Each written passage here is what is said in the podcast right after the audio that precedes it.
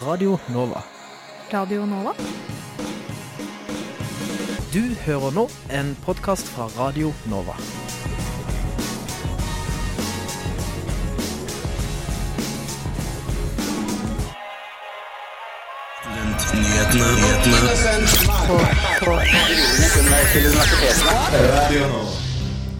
Students at risk videreføres. Vi snakker med en student som risikerer 7,5 års fengsel i hjemlandet Tyrkia. Driver, driver Ed Sheeran med fattigdomsporno? Eh, Mats Johan Øgård bruker kunst for å vise hvordan det er å ha lærevansker i dagens samfunn. Og Ingrid fra Symesterskapet studerer juss og produktdesign samtidig. Hvordan er det mulig? Hjertelig velkommen til Studentnyhetene denne fredagen. Mitt navn er Johanne Artved, og bak spakene sitter Marius. Går det bra, Marius? Ja, det skal vel ordne seg, dette, tenker jeg. Vi får se. Det, det går nå fint. Det er vår siste sending før eh, jul, så dette blir bare kos. Og vi har nå besøk av Beate Øgård fra SAIH. Velkommen. Tusen takk. Eh, vi skal snakke litt om eh, Rady Awards. Eh, for popartisten Ed Sheeran og Comic Relief får eh, svi når eh, dere i går delte ut eh, Red Brady Awards. Det er da en prisutdeling for bistandsfilmer. Og dere mener at denne filmen utnytta de fattiges situasjon, og han setter seg sjøl i et godt lys, da. Eh, hva går prisutdelingen ut på? Mm, det stemmer. Eller det er Radiade Awards, eh, som deles ut hvert år, som kårer både de beste og de verste bistandsfilmene fra dette året. Og man har en åpen runde med nominasjoner, så det er folk som eh, nominerer for hele verden. Og så er det også åpent for at folk kan stemme. Og så har man en internasjonal jury som er med på å velge ut de siste kandidatene til hver kategori. Og det har jo havnet da denne filmen for Comic Relief med Sharon sitt innslag som en av de verste bistandsfilmene for dette året. Og gikk av med seieren i går når det ble arrangert prisutdeling. Hvilken, eh, hvilken pris fikk han? Han Eller- fikk prisen som heter Rusty Radiator Awards, som går til de bistands- eller innsamlingsfilmene som bruker stereotypier og oversimplifisere fattigdom. Vi, kan jo, vi har jo et lite utdrag fra Ed Sheerans eh, eh, Eh, video her, som vi kan høre. Across Africa, millions of the world's poorest children don't even have a bed to sleep in. They're hidden away in any crevice they can find. This is this is obviously where they sleep every night. I just, I just, I, I don't, I can't, I can't process this. This is. until we get him into school. It doesn't matter how much it is. We'll just like we'll just get him in. Him and, him and his five mates. We'll get him in a house and just, but with with an older person to look after. Because that because that's the problem. There's so little that. Yeah, I don't think we should go until that's sorted either. Eh, Det var da et lite utdrag. Eh, Han var i Liberia, om jeg ikke husker helt feil. Eh, Hvorfor var denne filmen så mye verre enn de andre? Ja, Det som juryen har lagt vekt på i begrunnelsen før denne ble nominert til Rusty Radiator, er at den på mange områder egentlig kun handler om Ed Sheeran og hans opplevelser med å møte med fattige gatebarn i Liberia. Det er Ed Sheeran som blir plassert i hovedrollen uten at lokalbefolkningen får mulighet til å sette ord på sin egen situasjon. Det er Ed Sheeran som den hvite vestlige helten som blir talerøret for den fattige befolkningen. Og dette er problematisk fordi det skaper et større skille mellom oss og de, og at de fattige blir sett på som passive mottakere av hjelp fra sjenerøse givere i Vesten. Ja, Men er det ikke litt vanskelig for vestlige kjendiser å lage en sånn film uansett, uten å liksom bli sett på på den måten, da? Her synes jeg det er viktig å trekke fram at det er organisasjonen som står bak, Comic Relief, eh, og den måten de velger å kommunisere på gjennom sine innsamlingskampanjer, som skal ha skylden. Jeg er sikker på at Ed Sheeran sannsynligvis har hatt gode intensjoner med å være med på dette oppdraget, og til syvende og sist så er det Comic Relief som har ansvar for måten han også blir fremstilt på der. De har tatt eh, litt sjølkritikk også, har de ikke? Ja, de har svart, og SIH er veldig fornøyd med at man har fått svar for de som blir nominert til Rusty Radiator. Det har vært eh, veldig få tilfeller av det tidligere, og i år har alle de som ble nominert, svart, og de har sagt at De håper at de aldri skal vinne denne prisen igjen, og også at de skal ta inn over seg den kritikken de har fått i det videre arbeidet. Mm. Eh, hvem, eh, hvem fikk den gjeveste prisen?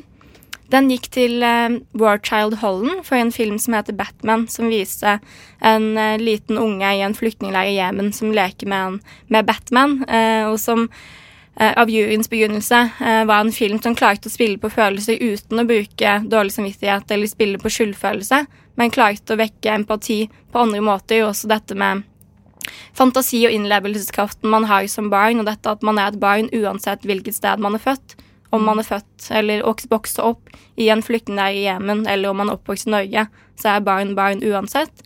Og man får også se at han har en far som er en støttende figur, som også er veldig annerledes fra mange av de verre bistandsinnsamlingsfilmene man har sett. Eh, hvor, mange, eh, hvor mange nominerte var det egentlig? Det var tre nominerte til Rusty Radiator, altså den prisen for de verste og mest skadelige filmene. Og så var det fire nominerte til Golden Radiator. Mm. Dere har fått ganske mye uventa oppmerksomhet pga. dette med Air Sheeran. Hvordan har dere vært for dere? Det har vært eh, veldig stor stas, selvfølgelig. Det har vært et mediesirkus uten like for SRH de siste dagene. Det har jo blitt intervjuet av BBC opptil flere ganger, og The Guardian, NPR i USA, eh, Daily Mail og ja, jeg kan nevne i fleng her. Men det som jeg synes er spesielt kult, er at man har klart å sette dagsorden i Storbritannia. Og dette med fattigdomsporno eh, og bruk av stereotypier har virkelig kommet opp på agendaen. Og i går så eh, Eller i dag tidlig så ble det sendt et intervju der jeg diskuterte med direktøren av Disaster Emergencies Committee, som er den paraplyorganisasjonen som står bak to av de kandidatene som ble nominert til Rusty Radiator. Så det er veldig kult at de tør å ta debatten. Mm, dere eh, hadde jo også eh, Al Jazeera laga jo eh, en sak på det her eh, hvor de bl.a. brukte et bilde av eh, Mette-Marit med noen eh, fattige barn. det satte jo dere i et lys dere ikke ville settes i, var det ikke sånn? Nei, det var helt ubevisst på vår side. Eller det var Al Jazeera sitt valg å bruke det bildet av Mette-Marit som et symbol på dårlige eksempler for bilder fra frivillige som reiste til utviklingsland. Og vårt bidrag i det var intervjuet med meg og også alt det grafiske rundt selve guiden som SRH har laget. Uh, og SRH reagerer jo på bruk av kjendiser når de blir presentert som et talerør for den fattige befolkningen. Men dette bildet med Mette-Marit ble jo tatt ut av sin kontekst. Og det er ingen kritikk fra SRHs side til Mette-Marit og den figuren hun har. Hun har lenge vist et stort engasjement for utviklingsproblematikk. Radio Nova. Radio Nova. På, på DAB og nettradio. På radionova.no. Radio Nova. Eh, Beate Øgård er her fortsatt, eh, leder av SAIH. Eh, vi snakket litt i pausen om eh, at Raddy har fått enda mer oppmerksomhet. Og dere skal faktisk være med på Handlingens menn i NRK Mm, kan du fortelle litt om det? Det er i anledning femårsjubileet til Radiate Awards. Det er nå femte gang at selve Radiate-prisen utdeles. Og i den anledning så har NRK laget en spesialpris der man skal kåre den aller verste bistandsfilmen gjennom de siste fem årene. Så der skal SRH være med på Handlingens menn. Det er nye programmet til NRK sammen med Nils og Ronny. Så det kommer til å vises 30. desember. Så det er det bare å følge med. Kult. Det er bra dere får uh, oppmerksomhet.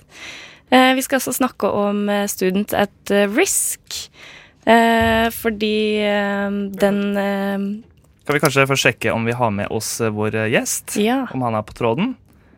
Eken, can you hear me? Yes, I can hear. Hello. Good, good. Just wait a little bit, and we'll come back to you.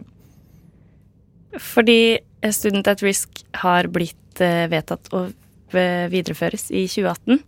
Eh, og over hele verden så opplever studenter å bli straffa og forfulgt som følge av sitt engasjement for demokrati og menneskerettigheter. Mens eh, denne ordningen er faktisk der for å hjelpe noen av dem, og en av dem har vi med på telefon, Ekin. Eh, kan du forklare litt, Beate, om hva denne ordningen går ut på? Mm, dette er en ordning som SRH og NSO sammen har tatt initiativ til. Og det er en ordning som nå blir finansiert av Utenriksdepartementet. Det er en ordning for forfulgte studentaktivister som på ulike måter har blitt eh, truet eller blitt utvist fra universitetet, opplevd arrestasjoner eller drapstrusler. og på mange måter blitt hindret i sitt arbeid og i kampen for demokrati og menneskerettigheter. Gjennom denne ordningen så får de mulighet til å komme til Norge og studere ved et norsk universitet eller en høyskole og fullføre utdanningen sin, i tillegg til å få beskyttelse som menneskerettighetsforkjempere. Hvilken betydning har det hatt for de som bruker, eller får hjelp fra denne ordningen? Det har hatt en veldig stor betydning. Også det at de får et internasjonalt nettverk um, har en ja, enormt stor betydning. Men også det at de får muligheten til å være i Norge og lære uh, å, å, leve i et demokrati i praksis. Det er veldig mange uformelle ting som kommer også i tillegg til det at de får en akademisk grad. Um, men det at de blir styrket i sin kamp for demokrati og menneskerettigheter, og ser at det er mange som står i solidaritet med dem. Og så sender jo også denne ordningen et viktig signal til autoritære regimer om at man ikke tillater at studenter skal bli undertrykket. Mm. Ekin, hello. Hello. Hey, how has a student at risk uh, been helping you? Uh, it is. Uh, I don't know if uh, Betty talked about uh, students at risk. Yeah, uh, no academics for peace. Uh, she has explained uh, what it is. Yeah, explain it. So uh, she, she has explained uh, what students at risk is, and uh, we wonder if how has that given you opportunities and helped it you. Was, it was from Human Resource um, Human Rights Association in Turkey, announcing it and I went to Human Rights Association in Turkey and I told about uh, my uh, situation and they uh, just uh, nominated me. And also there is another uh, group named uh, Scholars at Risk. And I made contact with them as well and they also nominated me. And then Students at Risk program just got me. Because you're uh, studying in Norway now? Yes, I am in uh, Buda, uh, Nord University. Good. And um, in 2016, you and over a thousand academics and students signed a demand, which had the consequences. Uh, what was the demand about? It was a demand about the peace within the country because we have a kind of civil war uh, between uh, Kurdish uh, fighters, Kurdish named PKK, it's an armed organization, and the government. and during this war, many civilians are dead, and as always, the most suffering part uh, were uh, innocent people. So for us, this uh, this war should end, and some democratical rights uh, should be given to Kurds. And uh, we called for this, and we uh, stated that the things the Turkish government do, the, does in this province, in Kurdish provinces, is crime. And even United Nations made some reports on it and stated that Turkish government uh, should uh, just set up this curfew and allow uh, international observers. The things we said were uh, similar to United Nations, but the reaction was so uh, was so mean, and uh, what happened? This was the, this was the happenings. Many uh, academics were fired from universities, and it was uh, thanks to state of emergency after a coup attempt, it was immense. And uh, the things they do, they just don't fire you. They take your passport as well mm. from you. And uh, with a special stamp on your uh, document uh, about your social security system, you can't go another job. Because mm. wherever you go, you, uh, you will see that you are fired because of state of emergency law. So nobody wants to uh, hire you. But because of this, many academicians uh, suicided because they don't. Uh, they are fired. It's okay, but They cannot find another job. They cannot go abroad. They are stuck. So uh, this was very depressive. And uh, each month uh, we see some new lists. This this month, like 40 new uh, academics for peace uh, is fired.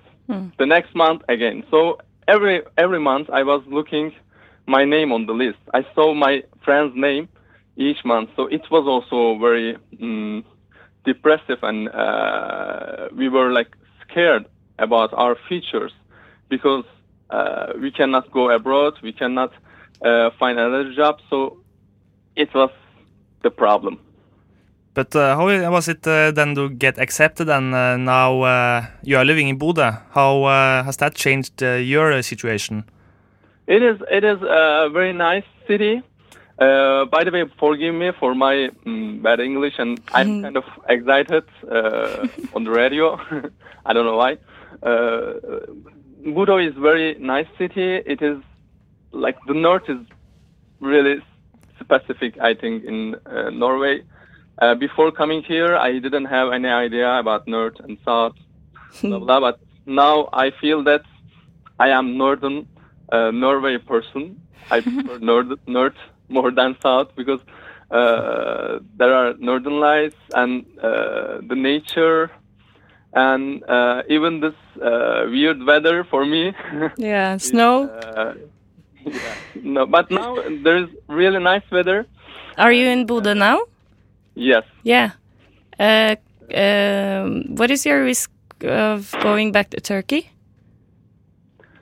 Uh, for now, uh, for the short term, uh, my plan is to get a PhD as well here in Norway or in Europe, uh, because it doesn't seem that everything will become so uh, normal in Turkey for me in two years.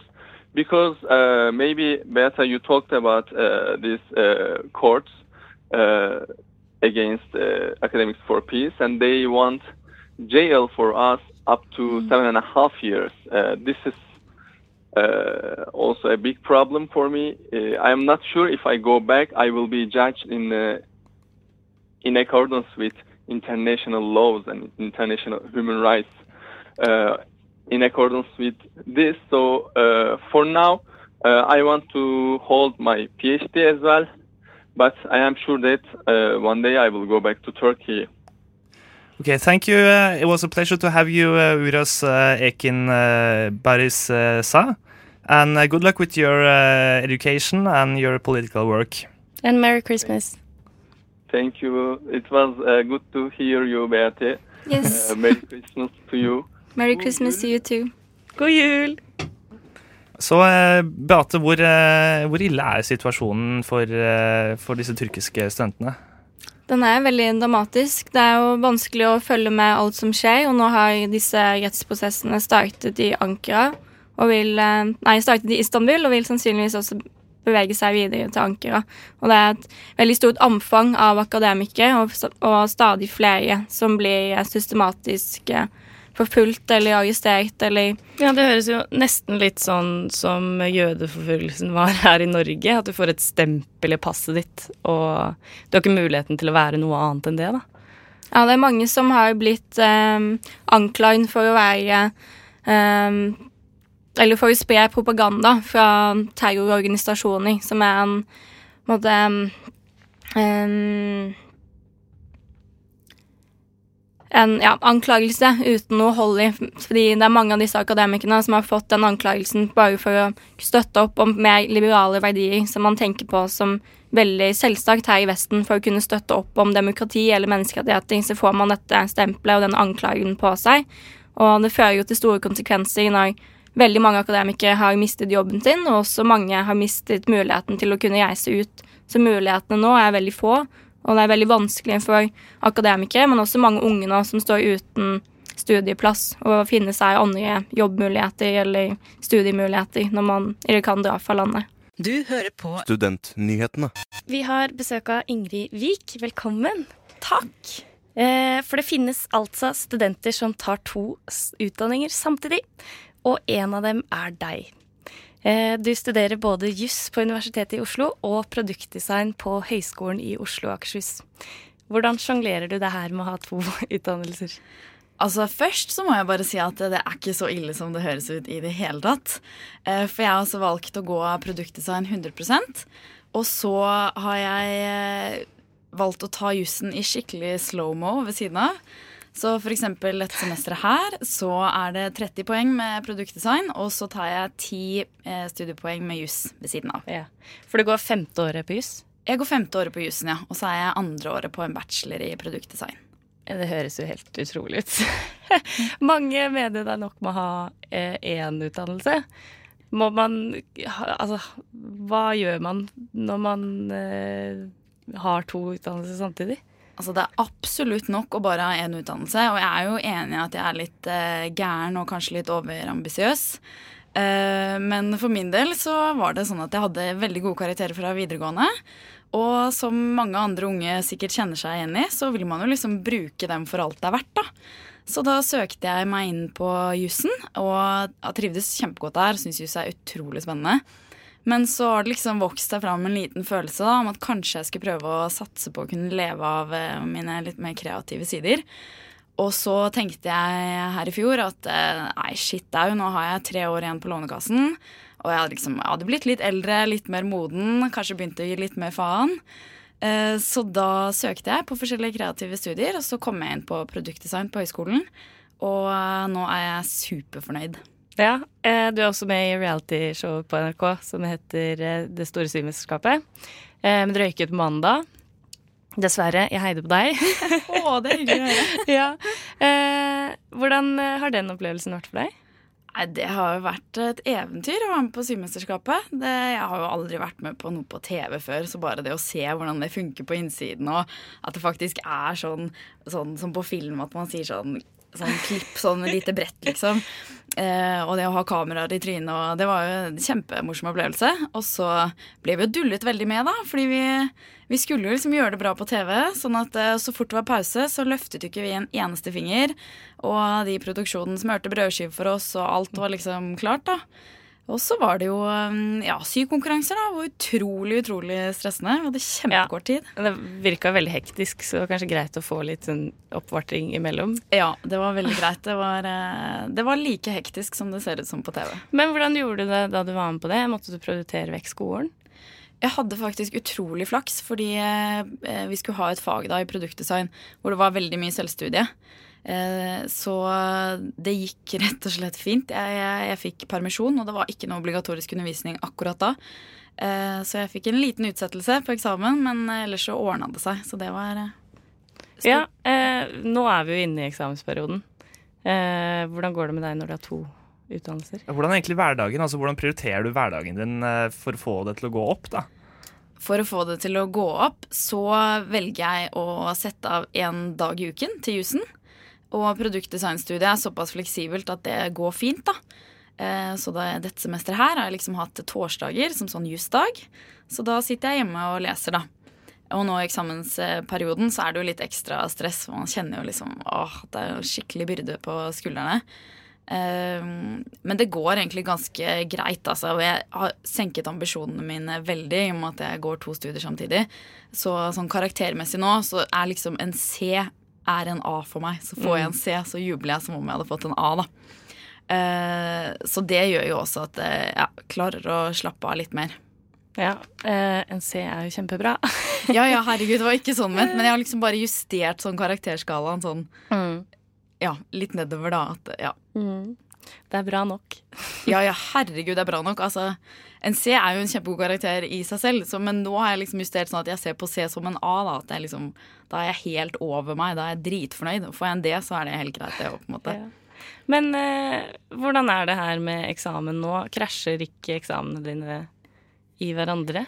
Altså Hvert semester så må jeg undersøke når eksamene er, da, og om det er noe obligatorisk undervisning. For hvis eh, det er noe som krasjer, så går det rett og slett ikke. Eh, Så da må jeg flytte, flytte litt eh, på fagene. For eksempel i fjor så skulle jeg ta metode og etikk på jussen, men det krasjet med noe obligatorisk undervisning på produktdesign, så da har jeg tatt det dette semesteret isteden, da. Så litt sånn omrokeringer må jeg gjøre. Ja. Eh, og Hvordan gjør du det med lesinga? Blir det ikke mye ekstra lesing? Eller er det kanskje ikke mye lesing på designlinja? Det er ikke så mye lesing på produktdesign, så jeg tror det er litt derfor jeg klarer å gå de to studiene samtidig òg, fordi de er så innmari forskjellige. For da kan jeg liksom holde på å bygge og tegne sånn den ene dagen, og da er det helt greit å sitte en dag og, og bare lese etterpå, da. Men hadde jeg gått to tunge sånn teoretiske studier, det ja, jeg tror ikke jeg hadde klart det, rett og slett. Men uh, du ble nylig intervjua av uh, NRK, uh, og du fant jo ganske seint ut at du hadde ADHD. Hvordan spiller det inn når du har så mye å styre med? Altså, det å ha ADHD gjør jo at man er litt mindre konsentrert og er litt hyperaktiv, så det er jo ikke noen sånn eh, kjempegod ting å skulle ja, ha som grunnlag da, for å begynne å studere to ting. Men sånn for min del så tror jeg at det gjør liksom at jeg får lyst til å pushe meg litt ekstra. Eh, og så gjør det litt at jeg, jeg, hater å sitte stille og lese for lenge av gangen, så da eh, blir jeg liksom veldig effektiv når jeg først setter meg ned, da. Og så um, bruker jeg sånne triks da, som å ha nedtelling på klokka, 30 minutter f.eks. Og skal jeg lese 30 minutter, men når klokka ringer, så uh, kan jeg gjøre hva jeg vil. Og så, mm. ja. Men var det verre før, for du studerte før du oppdaget at du hadde det også? Ja, jeg studerte jo, hadde studert jus i tre-fire år, vel, da jeg fikk eh, ADHD-diagnosen. Og det var jo ganske tungt, jeg må innrømme det. Men jeg skjønte jo ikke da at det var vanskeligere for meg enn for andre. Så jeg så jo alle andre studentene som satt på lesesalen hele dagen, og jeg tenkte at de pisket seg selv sikkert like hardt som meg. Så jeg holdt jo bare på, men jeg ble jo vanvittig, vanvittig sliten. Eh, tusen takk for at du var her, Ingrid. Lykke til med dine to utdannelser og eksamen og hele pakka. Og god jul. God jul, og tusen takk for meg. Du hører på Studentnyhetene. Eh, har du tenkt på hvordan det er å ha dysleksi i et samfunn hvor så mye av kommunikasjonen foregår via tekst? Dette prøver vår gjest Mats Johan Øgård å vise. Han har animert eh, boken Det er ord bak bokstavene, og tidligere i vinter arrangerte han utstillingen Usensurert. Og på mandag publiserer filmen hans eh, I am a dysletic offentlig. Velkommen, Mats Johan. Tusen takk. Eh, allerede før filmen er publisert offentlig, har den fått stor suksess både nasjonalt og internasjonalt. Det stemmer. Eh, kan du fortelle litt om filmprosjektet? Ja, det er jo min eh, bacheloroppgave. Så, og når jeg skulle begynne å lage den filmen, da, så var det veldig viktig for meg å vise hvordan det føles. Jeg er så lei av å høre det at når du skal spørre om hjelp, f.eks., at du får beskjed om Du spør kan det være så hjelpe meg, og så får du ja, ja, jeg skal hjelpe deg. Og så sier de eh, akkurat det samme på en gang, en gang til. ikke sant? Eh, og veldig viktig for meg å vise hvordan alle disse følelsene egentlig er. For du, du har den der eh, nå, og du sliter med å lese og skrive, ikke sant? men du tenker ikke på hvordan du faktisk føler det. Mm. Og, og, når jeg da endelig klarte å skrive manus og komme til produksjonen, da, så ble det veldig populært på bachelorgraden, for mange medstudenter hadde jo det samme. ikke sant? De følte mm. det samme. Mm. Og da ble jo filmen bare enda bedre. Hva er det du studerer? Eh, jeg studerte animasjon i England, Falmouth. Eh, og jeg har nylig nå også tatt master i spesialpedagogikk. Ja. Mm -hmm. eh, hvor kom ideen din fra? Det er jo basert på mine egne erfaringer med læreforskjeller gjennom skolen. Mm. Men selvfølgelig, som sagt, når du er mange vi var jo over 60 medelever som lagde denne filmen. Mm. Eh, og alle har en eller annen form for læreforskjell. Så ble det jo kjempebra. Mm. Kult. Uh, ja, de andre studentene dine, er det uh, Er alle kreditert i filmen? Alle er kreditert i filmen, selvfølgelig. Ja, så gøy. Uh, hvor har den blitt vist foreløpig? Åh, det er, Den har jo vært rundt eh, verden rundt. Flere steder enn det jeg har vært, for å si det sånn. Uh, men den har selvfølgelig mye vært i England, siden den er jo tross alt lagd i England. Uh, den har vært i USA, India, e- Egypt, eh, Nederland, Russland, Norge selvfølgelig. Uh, ikke så mye på festivaler, men rundt om på skoler i Norge har det vært mye. Eh, så mange steder. Mm. Veldig mange steder. Og den eh, publiseres offentlig på mandag? Det stemmer. Nå har den vært uh, ute på festivaler et og et halvt år. Mm. Og nå endelig lanserer vi den på mandag. Hvor er det vi kan se den, da? Den kan du finne på YouTube, selvfølgelig. Den heter I am dyslexic. Men selvfølgelig legger jeg den ut på alle mine sider på Facebook, Twitter, Instagram. alle disse her. Så hvis du følger meg på Mats Johan Øgaard, søker meg på Mats Jan Øgaard, så finner du meg og filmen. Eh, og i tillegg til filmen så har du også illustrert en eh, bok om samme tema, og arrangert utstilling usensurert. Stemmer. Eh, hva er det du vil oppnå med å gjøre disse typen prosjekter? For meg er det veldig viktig at eh, man forstår at det er en person bak eh, den diagnosen. Og, og mange av disse personene eh, kan tenke deg når noen sier at eh, du er dum, du får ikke til, du kommer aldri til å få til dette her, for du kan ikke lese, skrive eller hva enn annet de har. Det gjør noe med deg. Og for meg er det veldig viktig å vise at eh, disse personene er faktisk flinke. De har styrker, de har ting de er flinke til også. Og det å fremme det for at de skal få god selvtillit, er utrolig viktig. Mm. Eh, hvordan har det vært for deg egentlig å gå gjennom skolen? Så de første åra var jo selvfølgelig veldig vanskelig. Det ble mye gråting og mye frustrasjon. Eh, Men jeg husker det når jeg fikk eh, diagnosen, så klarte jeg å snu det til noe positivt. Jeg skjønte det at ok, jeg må tenke annerledes selv, siden jeg tydeligvis ikke da fungerer det som skolen mener er norm, da. Vil ha, ikke sant. Så jeg, jeg um, fant ut det at jeg lærte best ved å bruke tegninger og bilder. Og ut ifra det så har jeg eh, snudd alt dette til noe positivt. Ja, det er sykt tungt. Ja, det er vanskelig. Det, du må jobbe dobbelt så mye. Men det er verdt det. Så lenge du følger drømmen din, og, og det er mulig å få til ting. Mm. Eh, tror du skolegangen hadde vært lettere om du hadde hatt eh, de hjelpemidlene du nå har? Om du kunne fått tegna istedenfor å skrive, f.eks.? Jeg eh, fikk jo jeg var, jeg, jeg var den første på skolen min da, som fikk den diagnosen, så jeg fikk alle hjelpemidler, men det var ingen som kunne fortelle hvordan bruke dem. Eh, men, eh, men eh, selvfølgelig hadde det hjulpet å, å fått svar på dette tidligere. Mm. Eh, For den, for den boka du har illustrert, Ja. er vel et, lite sånn hjelpemiddel for er det, og Den er det. Den er sånn introduksjon, egentlig, til, til dette her. Mm. Og, og forta- forklarer detaljert for, og lettlest for de med dysleksi, men også bra for både lærere og familiemedlemmer.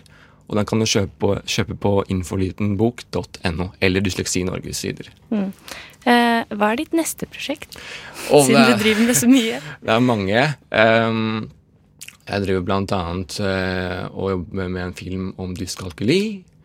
Og så er det nylig fått uh, en blitt to, to skotter som har spurt meg om å illustrere en bokserie om ganske tunge temaer. Alt fra familie, eh, foreldre i fengsel til epilepsi til voldtekt. eh, for å skape awareness til, til disse tingene, da. Mm. Men, men eh, mye, mye illustrasjoner gjennom eh, forskjellige organisasjoner, egentlig. Det høres ut som du har kommet deg langt på vei. Ja. Ja, så hyggelig. Lykke til med alt du skal videre. Tusen takk. Eh, Mats Johan Øgård.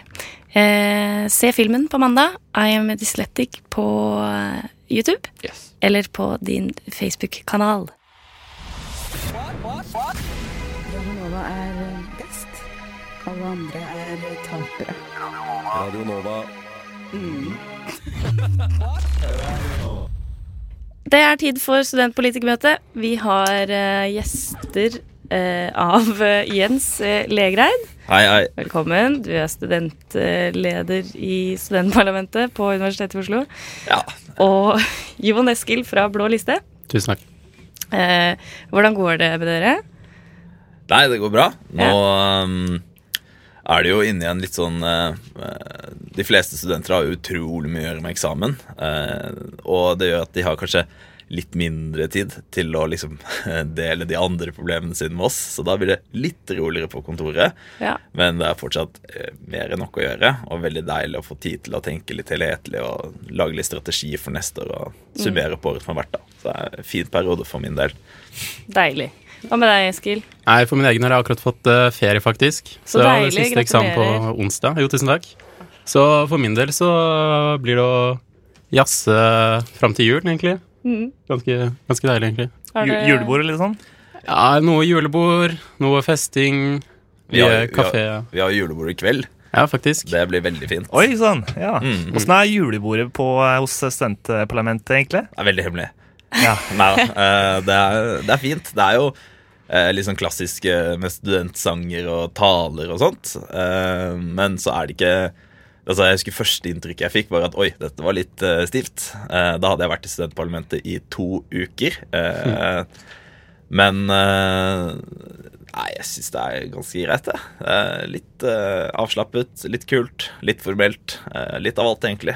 Det er bare å bli med støvpolitikken, så får dere se. Ja, har dere prøvd å gjøre det litt mer lett etter hvert? For å liksom, altså Mer som et vanlig julebord, etter, altså, så det ikke blir for stivt? Vel, for min del så kunne vi gjerne bytta ut den eh, Vi har, synger den eh, latinske sangen 'Gaudiamos'. Um, og jeg kunne godt byttet ut den med liksom 'Glad jul' eller noe sånt. Feliz eh, Navidad. Feliz Navidad, ja, det har vært kjempebra. Men uh, den uh, tradisjonen sitter nok uh, knallsterkt. Eh, Hva med deg, Jon? Er det første året du er med? eller? Altså, jeg har aldri vært med på det her før. Eh, Jeg har bare vært med på seminarmiddag. Nå Ja, det ligner- ligner litt.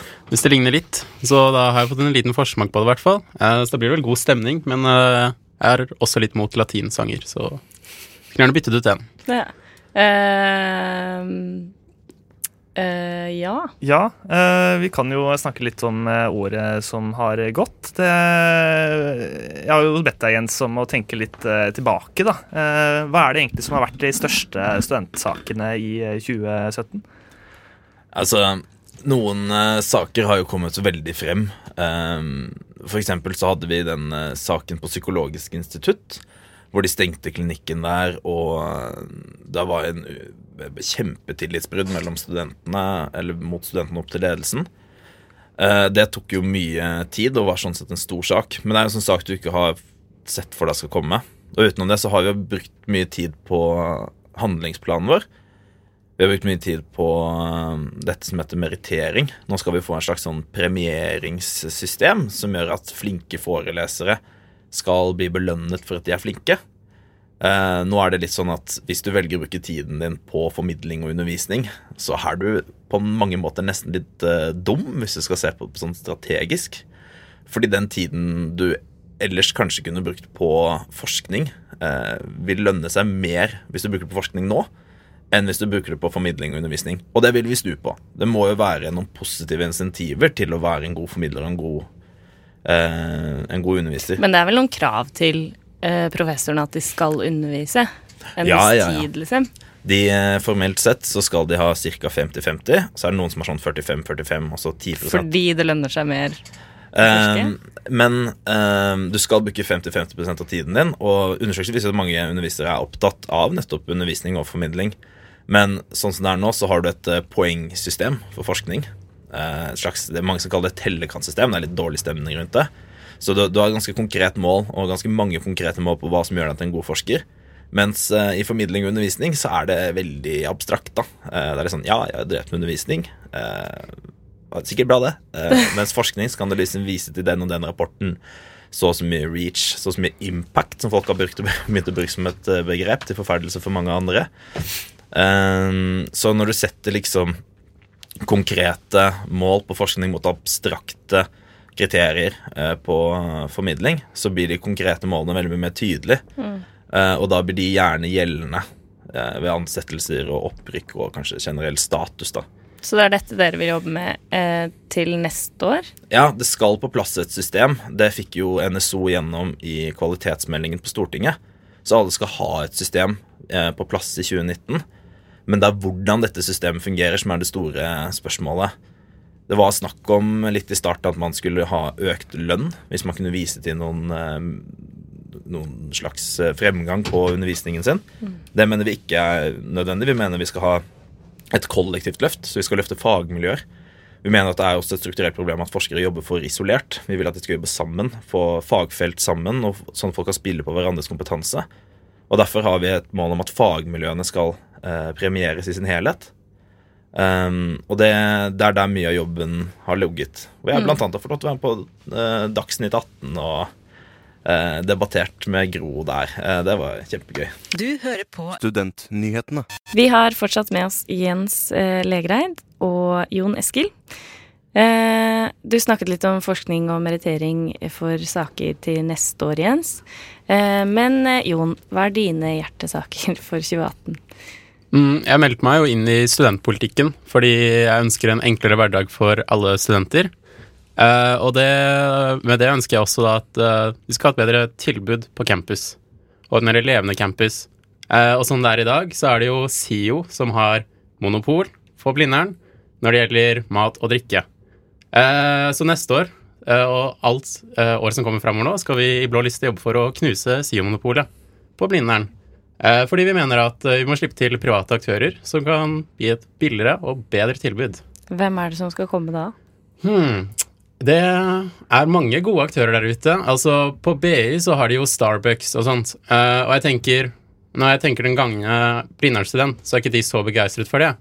Men jeg tenker at eh, hvem som helst kan komme her og tilby et godt tilbud. Det er jo markedet som bestemmer, og kundene som bestemmer. Hva med Vinmonopolet? Mm, altså, Det blir jo litt vanskelig, da, for da må du jo plutselig inn på norske lover og fikse litt der. Så det er nok en utfordring, men altså, Vinmonopol er jo chill, det, å ha på, på campus. Hva tenker du, Jens? Vil du ha andre kaffebarer enn SIO? Vel, jeg syns jo SIO er et eh, grunnleggende godt tilbud, eh, så det er fint at vi har SIO. Men jeg tror eh, SIO har gapt litt eh, bredt. Og eh, jeg vil absolutt ha SIO på campus, men jeg kan godt se for meg at vi har andre initiativer. Og da er det ikke Starbucks som står øverst på eh, ønskelisten min. Jeg tror faktisk den ligger veldig nærme bunnen et sted. Men eh, studentdrevne initiativer, det tror jeg er viktig. Fordi det er, det er viktig at studentene får en god og billig kaffe og et hyggelig sted å være, men vi vet jo også at i studentkultur så er det ofte like viktig det som skjer bak en kafédisk som det som skjer foran. Eh, og så tenker jeg at det hadde vært kult å ha ja, noe sted å drikke øl også, da. Mm. Eh, jeg er veldig glad i øl, så vi skal ikke nødvendigvis bare ha kaffe. Men et sted hvor du liksom Ja, det er studentdrevet initiativ, liksom som eh, vi har nede i Glassbaren her på Chateau Neuf, da. Det er jo noen eh, studentbarer på Blindern. Det er bare det at de ligger jo under jorda og langt borte, liksom. Vi har utrolig mange flinke mennesker som jobber i kjellerpuber. Og vi ønsker å jobbe noe strategisk for å gi noen av de muligheten til å løfte seg opp på bakkeplan. Eh, fordi det på jo, på en fredagskveld kan det være ganske mye liv, men allikevel når du kommer dit, så er det jo helt tomt.